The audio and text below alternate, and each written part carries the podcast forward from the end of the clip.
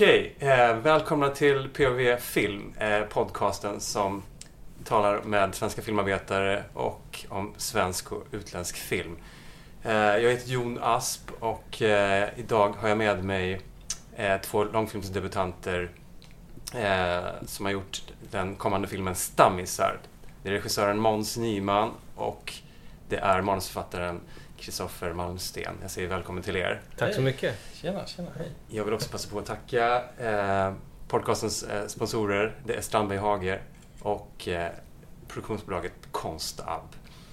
Eh, som sagt, Stammisar, ett eh, Moving Sweden-projekt som först var en kortfilm, Sonjas grill, en, en förövning. Ja. Kan ni inte berätta lite, Måns och Kristoffer, hur, hur den här idén kom och i vilket skede ni började samarbeta kring det här? Mm. Alltså, det är eh, lite olika eh, tankar om det där, hur, hur den kom till. Men jag, jag vill minnas ett eh, tillfälle när jag var på en, en bar för jättelänge sedan och var eh, där med några som brukar rappa. Och vi satt och lyssnade på musik och drömde mig bort för att jag hör, hör lite dåligt i såna här ljudsammanhang. Och sen så satt de två och pratade med varandra väldigt nära i örat. Och sen samtidigt så var det någon raplåt på i högtalarna. Sen så, Var det här på Södermalm i Stockholm också eller? ja det var det faktiskt. Där Eh, hela filmen utspelar sig. Exakt. Eh, Det var på Strand faktiskt. Och eh, då så inbillade mig att det jag hörde i högtalarna var det de pratade om och sen så började fundera på hur det skulle, om det skulle gå att göra som film. Och kände att det var ganska kul. Um, typ så här, det är kanske ett roligt koncept tänkte jag. Uh, för jag gillar musikaler också, att det skulle vara någonting annorlunda. Och sen så gick jag och klurade på det där och kom inte på någon jättebra story liksom, så här, utan det blev mest massa jidder och uh, sprang på Kristoffer på ett lunchställe, också på Söder. Eh, och eh, började prata med honom om det och eh, sen blev du taggad på en gång. Precis, det här det var väl hösten 2015. Ja, precis. Så då började vi skissa på första kortfilmen. Och ja, vi bestämde väl att, i, att det skulle få ta sin tid och att vi bara skulle jobba när vi kände för det och att det skulle liksom bryta så fort det blev tråkigt. Att vi inte skulle ha... Vi var så inne på de här arbetsmetoderna förr i tiden, kommer jag ihåg också. Att, det var så här, vi, vi kör bara när vi har lust. Och sen, så, det, så det tog ganska lång tid mellan varven. Vi Ja. sågs så här, kanske en gång i månaden eller något sånt där och gjorde en liten session. Och, ehm, ja, och det var, vi hade någon producent som, som eventuellt skulle göra det men det drog ut på tiden också. Att Sverige en defensiv fotboll. Varuhuset rapporterar att fläktarna har sålt slut Samma med AC. De gick på typ en minut. Men vi i studion har fått tag på en solfjäder. och den klär dig. Okej, Tack. Dags för väder. Eh, temperaturen håller i sig en bit över 30. Fuktigheten är hög så det lär bli svettigt. Ta hand om er där ute och glöm inte bort att dricka. Mm, dricka vad då? Ah, Jag tror att det kvittar. Okej, en gång så testade jag det där varannan vatten. Jag var tvungen att kissa typ en gång i kvarten. Bland det jobbigaste jag gjort. alltså det är inte meningen att du ska dricka dubbelt så fort. Okej, men man måste ju få in sig salt. Det är väl ett sånt där tips. Som om man behöver en ursäkt för att äta chips. Fråga från chatten. Tycker ni om att bada på natten? Svar ja, det är typ bästa finalen. Fan, jag skulle aldrig, jag är helt galen. Inte? Gud vad trist. Mm, nej, jag är ingen exhibitionist. Ska man klä av sig med folk som man inte känner? Ja, det är typ det bästa som händer. Man kommer ut från klubben typ helt svettig. Man tänker på Do the right thing, värmeböljan som är i Spike Lees film. Det, det, det är en väldigt tät ljudbild hela den här filmen. Liksom. Mm. Det är en musikfilm i hög grad. Liksom. Verkligen. Och, och det är också en film som, som är på vers. Mm. Eh, liksom, det är ganska stora beslut. Eh, hur, hur kom ni fram till dem? Var det, var det ett självklart val? Att det skulle liksom vara inlindat i det här musikalen? Jag menar, båda, båda ni två har ju en väldigt gedigen bakgrund inom musiken, så det är logiskt ju. Eh, Men versmått är ändå ganska ovanligt ju. Ja, alltså det som var självklart från början var bara att det inte skulle vara hiphopmusik. Alltså, så här, eh, men musik har vi nog haft i tankarna från början att det skulle vara det skulle ändå kännas eh, vibbigt och taktigt så, som att takten i dialogen jobbade med musiken på något sätt. Att, att musiken var väldigt skårad också, även om det låter som popmusik bara så är den ju otroligt anpassad efter varje scen. Ja. Jag tror när vi snackade scoring för kortfilmen. Då pratade vi mer om hur vi kunde förankra det i liksom relationskomedi. Då pratade vi om såna, liksom, vad signalerar relationskomedi? Ja, men, som vilka typer av gammal eh, New York-musik eller gammal europeisk judisk musik som Woody Allen har använt i relationskomedier eller så. Så då snackade vi mer om det.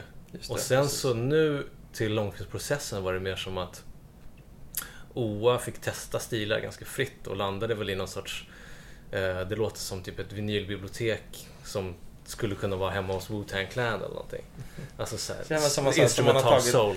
En, en inspiration var ju så här, vad skulle liksom så här, om man inte gör hiphop, men vad skulle hi- hiphop-producenter ha använt för musik att sampla ifrån? Då kanske det skulle varit den här typen av musik. Liksom. Så Mm. Ja, det är så. mycket som, som klingar liksom. jag gjorde ju en playlist åt honom från början när vi skrev. Alltså Carl Johan Severdal Ja, precis. som gjorde musiken även till Exakt, exakt, Mm. Ja. exakt.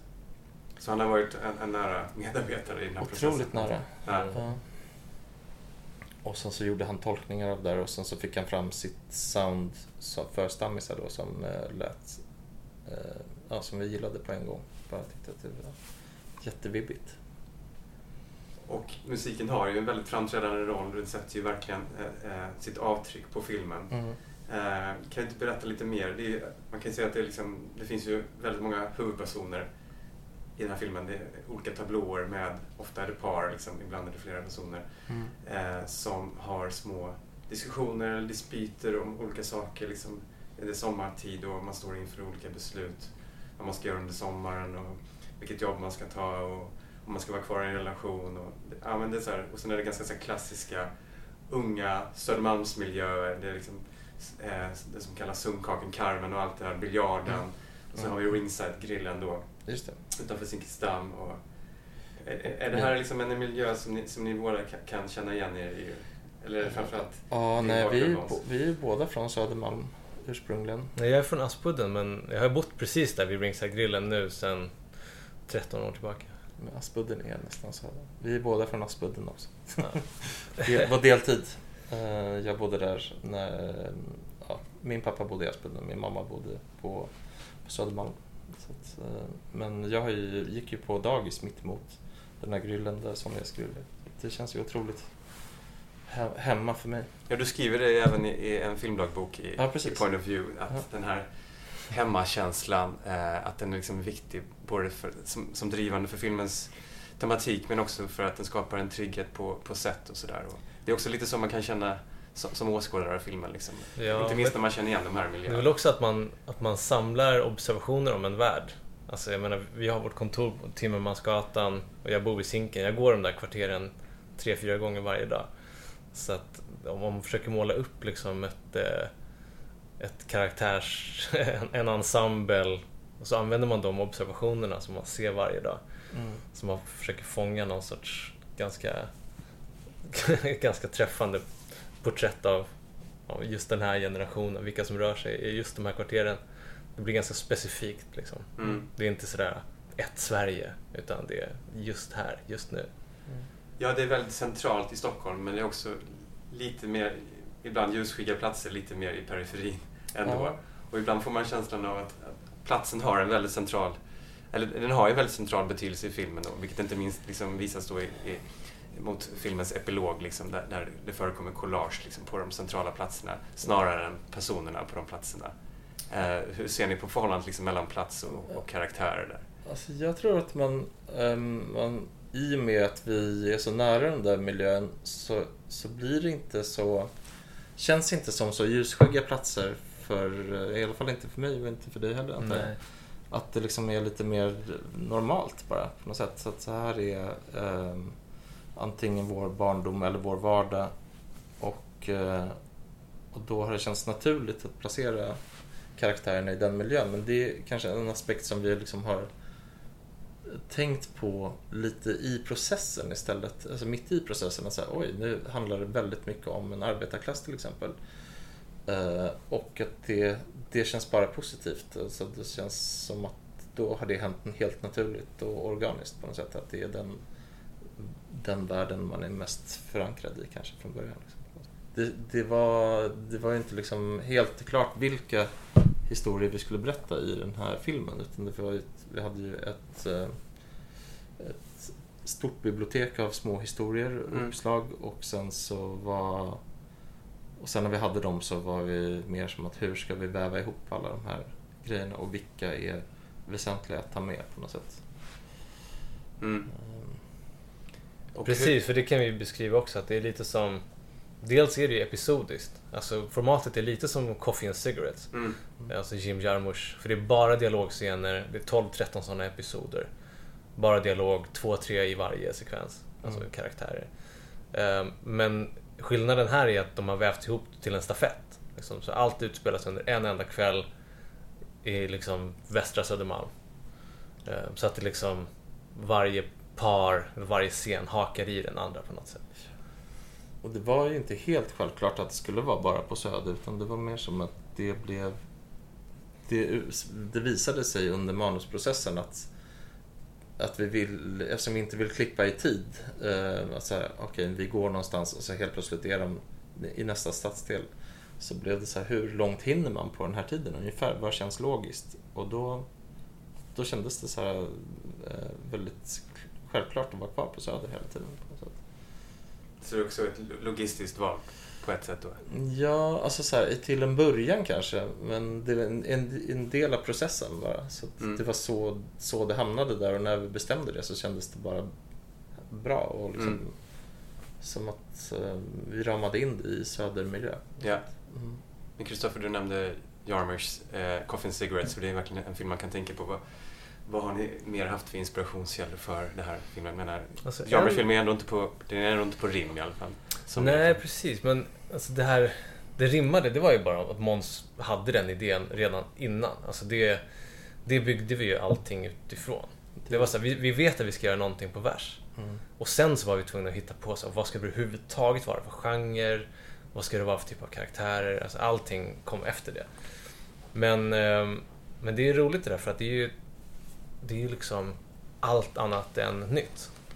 Alltså, om man tittar på historiskt så skrevs ju drama på vers i tusentals år innan man uppfann tryckpressen.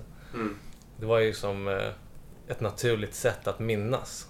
Alltså om skådespeleri och drama var en muntlig tradition som gick från skådespelare till skådespelare genom generationer. Då var det tvunget att vara texter som gick att memorera. Och det är det som jag tror är en rolig så här, effekt av att vi har skrivit den här på vers. Det är att den blir klibbig. Alltså den blir klibbig lite på samma sätt som en poplåt eller någonting. Vi hoppas liksom att när man kommer ut från den här så kanske vissa repliker bara stannar i ens huvud och fortsätter upprepa sig. Typ. Eller att Ehm. man bara försöker rimma på varandras frågor eller någonting. Ja, Måns fick så här rimmarsjukan under inspelningen. Typ. Så rimmades genom hela slutfesten. Nej men... Är det också eh, så liksom, som ni har arbetat fram rimmen? Man kan tänka liksom att det är en kombination av saker som man kommer på nya i stunden, men också saker som man har som man har sagt och rimmat på tidigare. Liksom. Saker som man återkommer till underliggande eller medvetet. Eller hur liksom växer det? Liksom... Alltså, skrivprocessen var att Måns gjorde... eh, Eller först hade vi några vändor där vi eh, arbetade fram skisser tidigare. Ehm, typ fem eller sex scener. Och sen så satte Måns igång en egen genomskrivningsprocess av eh, ett långfilmsmanus. Eh, och då hade vi liksom, förutom kortfilmen så hade vi skisser på fem, sex scener. Mm. Och sen så la han till en massa och sen kom jag tillbaka från föräldraledighet och då gjorde jag en process där all dialog skulle bli vers. Och då var det, eftersom att vi delade kontor så kunde Måns vara närvarande hela tiden. Så jag kunde som skicka liksom flera gånger i veckan. Så bara, ah, men det här är nya scener. Så kunde han ge feedback och så jobbade jag om och jobbade om och jobbade om. Och Så du att- kunde läsa upp och sådär, så att man, så att man kunde lyssna på det också. Ja, så varenda liksom replikskifte testades liksom om och om och om. Alla syftningar skulle följa med och liksom allting som Måns hade föreställt sig. Och alla karaktärers personligheter och sådär. Liksom. Precis, för att, för, för att liksom från mitt perspektiv så blev det så här, dels blev det kreativt och liksom min, min kreativitet kunde dra iväg och ta, ta liksom en lekfull vändning där jag tyckte att jag gjorde någonting med, med språket och liksom använde språket på ett roligt sätt. Men då kanske jag tappade vissa syftningar eller tappade någonting med något karaktärsdrag eller någonting. Så vi gick liksom vända efter vända efter vända. Så det var så iterativt liksom genom ett halvår. Ja, det var väldigt roligt kommer jag ihåg. Eh, men det var någonting jag tänkte säga om det, men jag glömde bort. Jo, just det. Varför vi inte skrev det på vers direkt. är ju för att då skulle man eh, eh, tappa kontrollen på en gång. Alltså, för att, Jag förstår. ja, Ja. för, för att eh, du, så du beskrev det ganska bra förut. När, man, Mm. när du skriver rap så, så, ehm, så blir att det är så, mycket, så, så associativt att man tänker sig någonting som rimmar på det man precis sa och då blir det en ny, en ny riktning. Så, Mm. Precis. Så så det är väldigt svårt att hitta en, en tydlig väg i det men också att göra ändringar i det blir också en mardröm på något sätt. Att man inte kan... Så därför gjorde vi det på det här sättet. Det, det, just att skriva dialog är någonting som jag är väldigt van vid. Att det är så jag skriver mina manus normalt. Att jag bara, nästan bara skriver dialog och så här, hur det låter eller hur folk pratar. Och det var, ja, det var väldigt flummigt att få se de texterna översatta till vers helt plötsligt. Hur det fanns liksom så här formuleringar och sånt kvar men att det hade blivit någonting nytt som, som var sitt eget på något sätt när det väl skrev vers. Men jag tror vi lärde oss det från Ja. kortfilmsprocessen också. Mm. Att vi försökte gå på... Jag försökte nog gå på att skriva vers för tidigt. Just det. Och då var vi tvungna att backa och- riva upp och bara, okej, vi börjar från början. Vi gör ett rent dialogmanus, vanlig dialog först. Eh, och, och först när vi känner oss helt färdiga, liksom, då går vi på den rimmade versionen. Mm. Ja, det var För att bra. fundamentet och Ja, vara idétrogen ändå. Precis, för det blir verkligen, ja, men det är som Måns beskrev det, att det liksom... ehm, det blir en helt annan process. Alltså om man skriver, om jag håller på att skriva en raplåt, då kan, då kan språket få liksom, bli en naturlig liksom, leda vägen lite grann. Mm. Ehm, och så kunde, vi inte, så kunde vi inte arbeta här. Nej. Det var många av de här scenerna som vi skrev också byggde på så här personliga erfarenheter som jag hade haft till exempel. Så att då, då var ehm, eh, då, då blev det helt plötsligt lite så här eh, viktigt att de grejerna hände på det sättet att den känslan fanns med på något sätt. Det blev en annan sån här eh, liten darling på något sätt som jag försökte hålla kvar vid i vissa fall. Liksom, i alla fall. Eh, och i andra fall så släppte vi det helt när, när man märkte att det utvecklades åt något håll. Mm. Eh, Men hur var det för eh, skådespelarna? Hur upplevde ni det på, sätt? Jag menar, här, finns det ju både etablerade skådespelare och eh, personer som är debutanter. Och det finns ju många etablerade skådespelare som inte har eh, eh, liksom spelat på, på vers tidigare. Och så finns det också hiphop eh, artister som, som, som finns här i, i filmen och som kanske har lättare till att, och tycker att det är mer naturligt liksom, att framföra den här dialogen. Eller berätta lite hur, hur, upplevde ni det och hur reagerade de? Det var ändå en ny erfarenhet för många. Det var en grej som tog lite tid faktiskt, alltså för alla. Alltså så fort... Um, jag ska, ska, det var så många, det är, så, det är över 30 stycken huvudroller i den här filmen. Mm. Så det är lite svårt att hitta ett, en generell uppfattning om det. De flesta tyckte att det var bra, men att det kändes ovant, men att de mm, litade på att det skulle bli bra för att de hade också tittat på vår kortfilm som vi hade gjort tidigare och, och fattat att det funkade. Liksom, sådär. Men att det kändes konst, kanske lite konstigt i stunden. Mm. Speciellt under första repen. Liksom. Att, Mm. att hitta in i hur man levererar en replik på rim och samtidigt behåller känslan i den. Eh, Men redan i, i första scenen så, så ser vi ju Joel Spira och Linda Pira. Eh, även det rimmar. ja. Hur, stor, hur stor del har ni, hur nära jobbar ni med casting directors liksom, i, i, den här processen? Liksom? Är det, Väldigt nära skulle jag ja, säga. för det är många människor som ni, som ni känner sedan tidigare, både, både som vänner och... eh, Ja, precis. Alltså, många av namnen kom ju från en wishlist av folk man ville ha med från början. Ja. Alltså, som var speciellt artister då. Den första tanken var väl egentligen att det skulle bara vara rapartister när vi började jobba med Sonja Skrill. Att det skulle vara kul att göra typ som en musikal fast inte musikal. Eh, och då skulle ehm, alla roller spelas av rappare. Sen så Eh, och då var det Linda Pira och Pablo Leiva Wenger som, som också är rappare men dessutom skådespelare, vilket var väldigt praktiskt. Och eh, sen så försökte jag få tag i en person som skulle spela Sonja, men så jobbade jag med hon Annika som också gick där på STDH samtidigt som mig.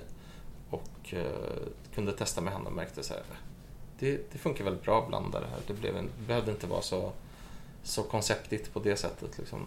Ehm, och efter det, då släppte någonting inom mig. Jag kände så här, men det här, det här behöver inte bli en rapmusikal på det sättet utan det är mer som en...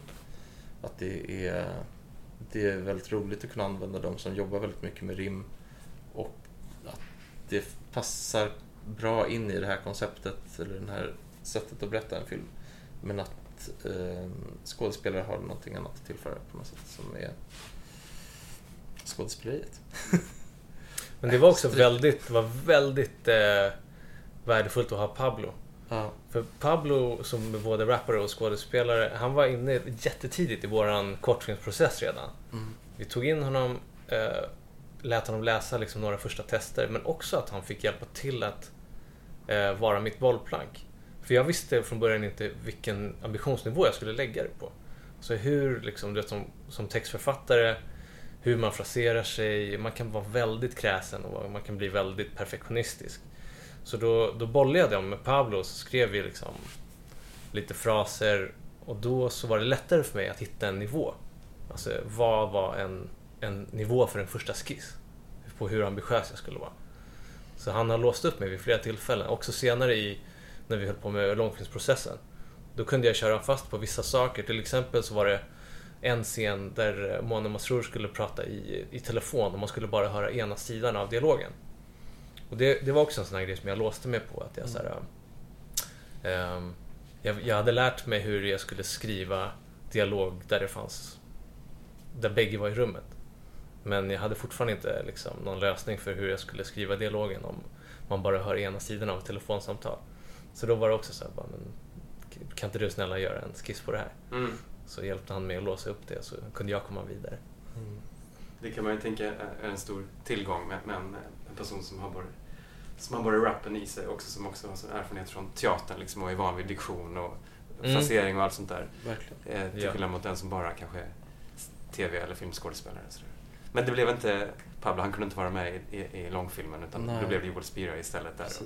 Vi ser också flera, flera nya skådespelartalanger som jag har sett de senaste åren. Bland annat Carla Sen som jag har sett i Kärlek och anarki och Sofia Kappel från Mm. Nina Thybergs Pleasure och sådär. Precis. Som gör ganska minnesvärda eh, intryck här också.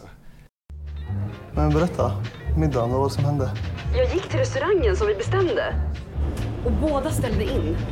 Alltså de har förstört min kväll. Med sådana vänner kan man lika gärna vara själv. Alltså... Ställa in i sista sekunden, då ska man verkligen ha goda grunder. Ah, Ida. Säkert gravid. Men Liv. Och slösa min tid. Hatar att åka tunnelbana på kvällen. Jag kliver av nu. Kommer du eller? Där. Jag hatar att åka tunnelbana. Alltså snälla.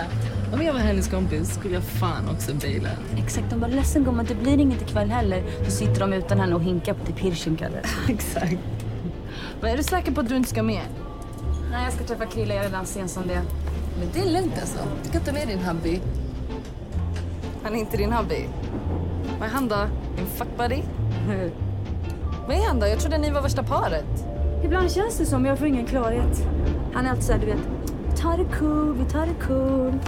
Snälla, ni har träffats sen i fjol. Så jag hatar såna snubbar som håller en på halster. Eller hur? Man tror man är ihop och så är man inte alls det. Såna där snubbar som vägrar committa.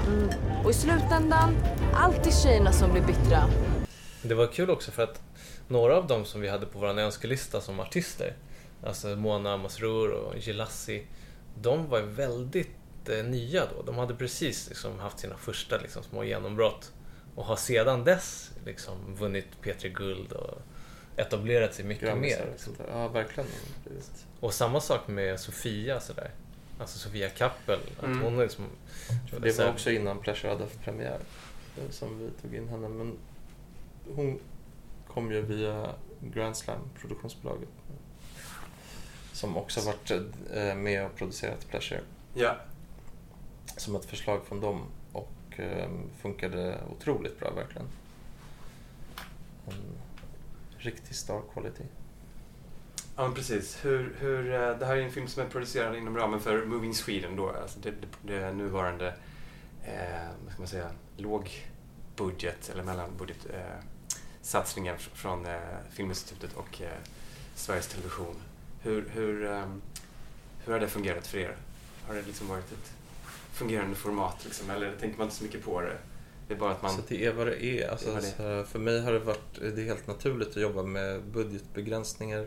Det gör man ju i, jag tror att man alltid är begränsad av en budget hur stor eller liten den än är. Liksom. Så jag har jobbat väldigt mycket med musikvideor där man oftast har ingen eller en väldigt tight budget och eh, är ganska van att jobba under de förutsättningarna på något sätt. Eh, Man får göra mycket av det man, det man har. Men, ehm, och sen så har jag ingen erfarenhet av att jobba med långfilm på någon större budget så jag har ingenting att jämföra med heller. Nej. Hur, hur det skulle vara eller vad, vad som skulle vara skillnaden då. Jag antar att tid skulle vara, tid skulle vara skillnaden. Mm. Eh, Men det finns ju inget sådär komplicerat kameraarbete eller eh, studiobygge som vi önskar att vi fick göra som vi inte gjorde. Utan det, var, jag tycker att det, det, det här filmen passar väldigt bra inom, inom ramen för Moving Sweden. Mm. Har du några tankar där Kristoffer? För du, för du skriver ju alltså, manusförfattare för, för, för större bolag och sådär också. Ja, alltså jag kan säga om, om manusprocessen så tror jag att vi var så ambitiösa själva. Alltså vi gick så många vändor med, alltså framförallt eh, den andra manusversionen då som var den med rimmad vers. Den hade vi nagelfarit så mycket själva så att eh, den processen blev väldigt eh, snäll. Alltså vi hade inte mycket notes utifrån när vi till slut lämnade in eh, våra, liksom, den versionen vi var nöjda med. Men sen fortsatte ju vi, trots det, att jobba om och jobba om ända liksom långt in genom, genom hela inspelningen. Ja, alltså så det- jag tror att man kan säga att genom manusprocessen så har vi varit de själva som har pushat det och gett notes åt oss själva. Liksom. Så man märkte i repetitionen till exempel att någonting kanske behövde ändras. Då kunde vi göra det för att vi jobbade med varandra och så nära varandra i vilket fall som helst. Det var, det var väldigt lätt. Men jag tycker det har funnits en, en energi i att göra någonting originellt. Mm. Och jag menar, det, det är något som jag upplevt förut också när jag hållit på med musik och så. Eh, Att om man håller på med någonting som man känner så här, det är ingen annan som gör det här, det här kommer sticka ut. Då, då finns det väldigt mycket energi att hämta. Mm. Alltså det har aldrig varit jobbigt liksom. Och Måns har bett mig om liksom 20 omskrivningen på en scen. Liksom. Det, det har inte varit jobbigt på det sättet. Också att vi har jobbat så nära. Jag tror att om man sitter typ i olika kontor och man kanske stämmer av någon gång i veckan eller någonting. Då kanske typ notes svider mer. Mm. Eller att någon säger så, ah, men skriv om det här, att det, att det tar emot mer. Men nu var det att vi satt på varsin sida av ett skrivbord och bara pingpong fram och tillbaka. Mm. Så det var liksom, om det fanns några sådana där prestigetrösklar eller liksom darlings, du vet, vi nötte ner den tröskeln väldigt tidigt. Ja. Mm. Så att det var, när, när Måns var bara skriv om det här, det var som det tog inte emot för mig. Nej, det var bara och pang, så pang, märkte jag pang, så här, pang, det pang. där är inte omskrivet. Då tänker jag, ja men då gillar han nog det där väldigt mycket så att det kanske måste vara kvar då. ja, just det. Ja, men ibland så var det ju också bara, om jag inte kunde toppa någonting, Ja, just det. då kunde jag inte ersätta det med någonting som Nej. var uppenbart eh, sämre. Ja. Utan då försökte jag skriva om någonting till den mån att jag kände att jag åtminstone kunde toppa. Mm.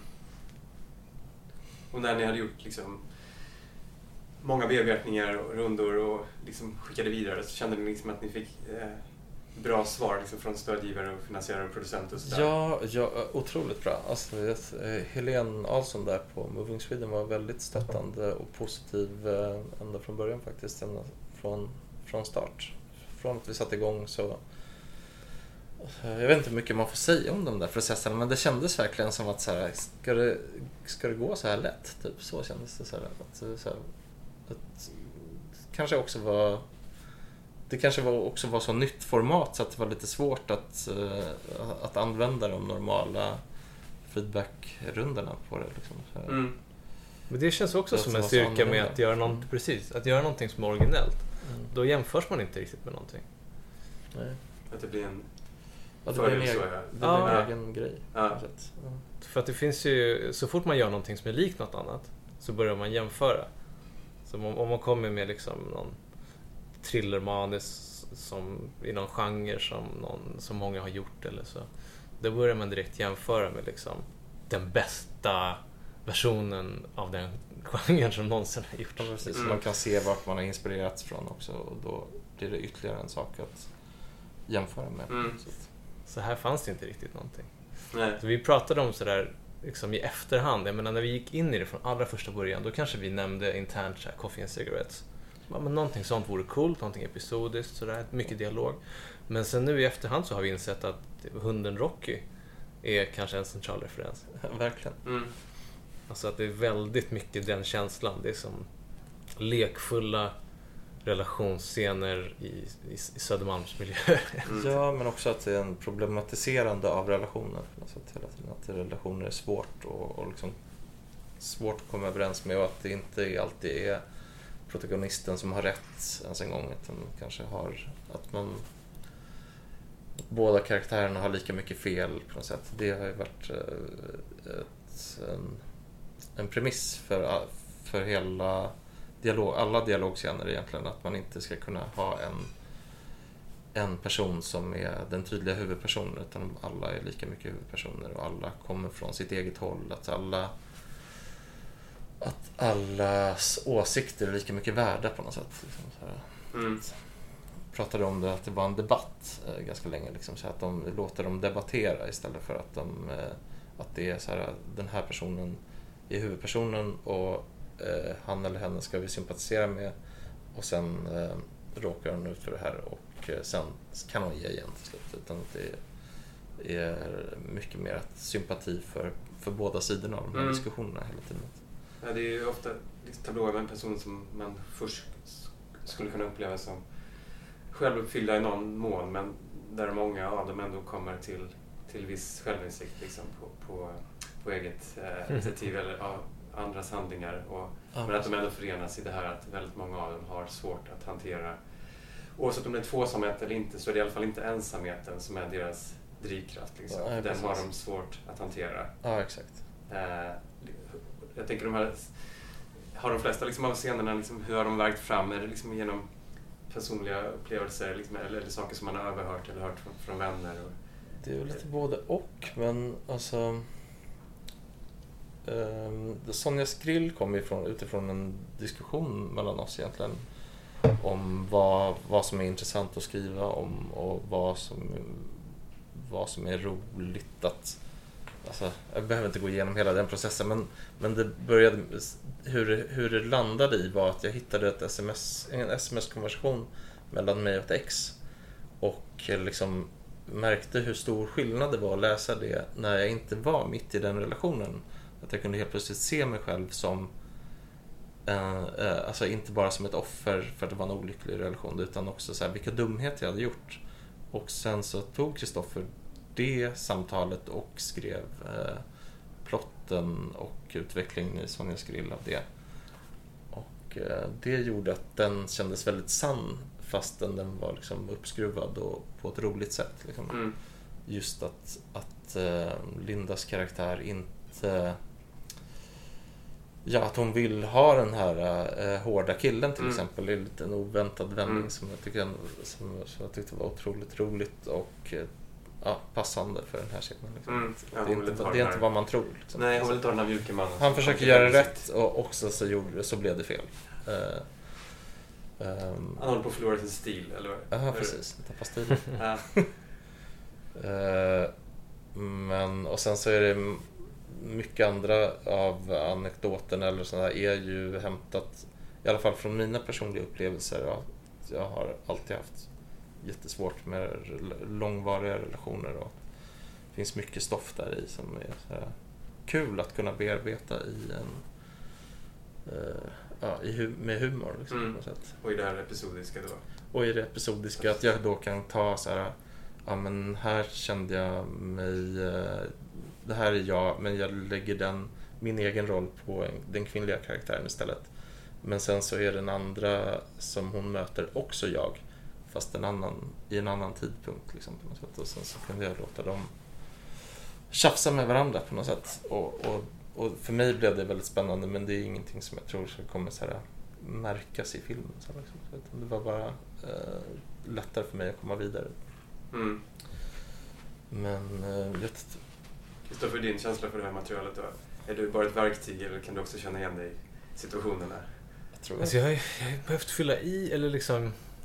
Eftersom att eh, en del av de här jobbade vi fram också typ i en tidigare process. Exakt. Så där var det ju som att typ fem eller sex av dem kanske vi har jobbat fram lite mer tillsammans.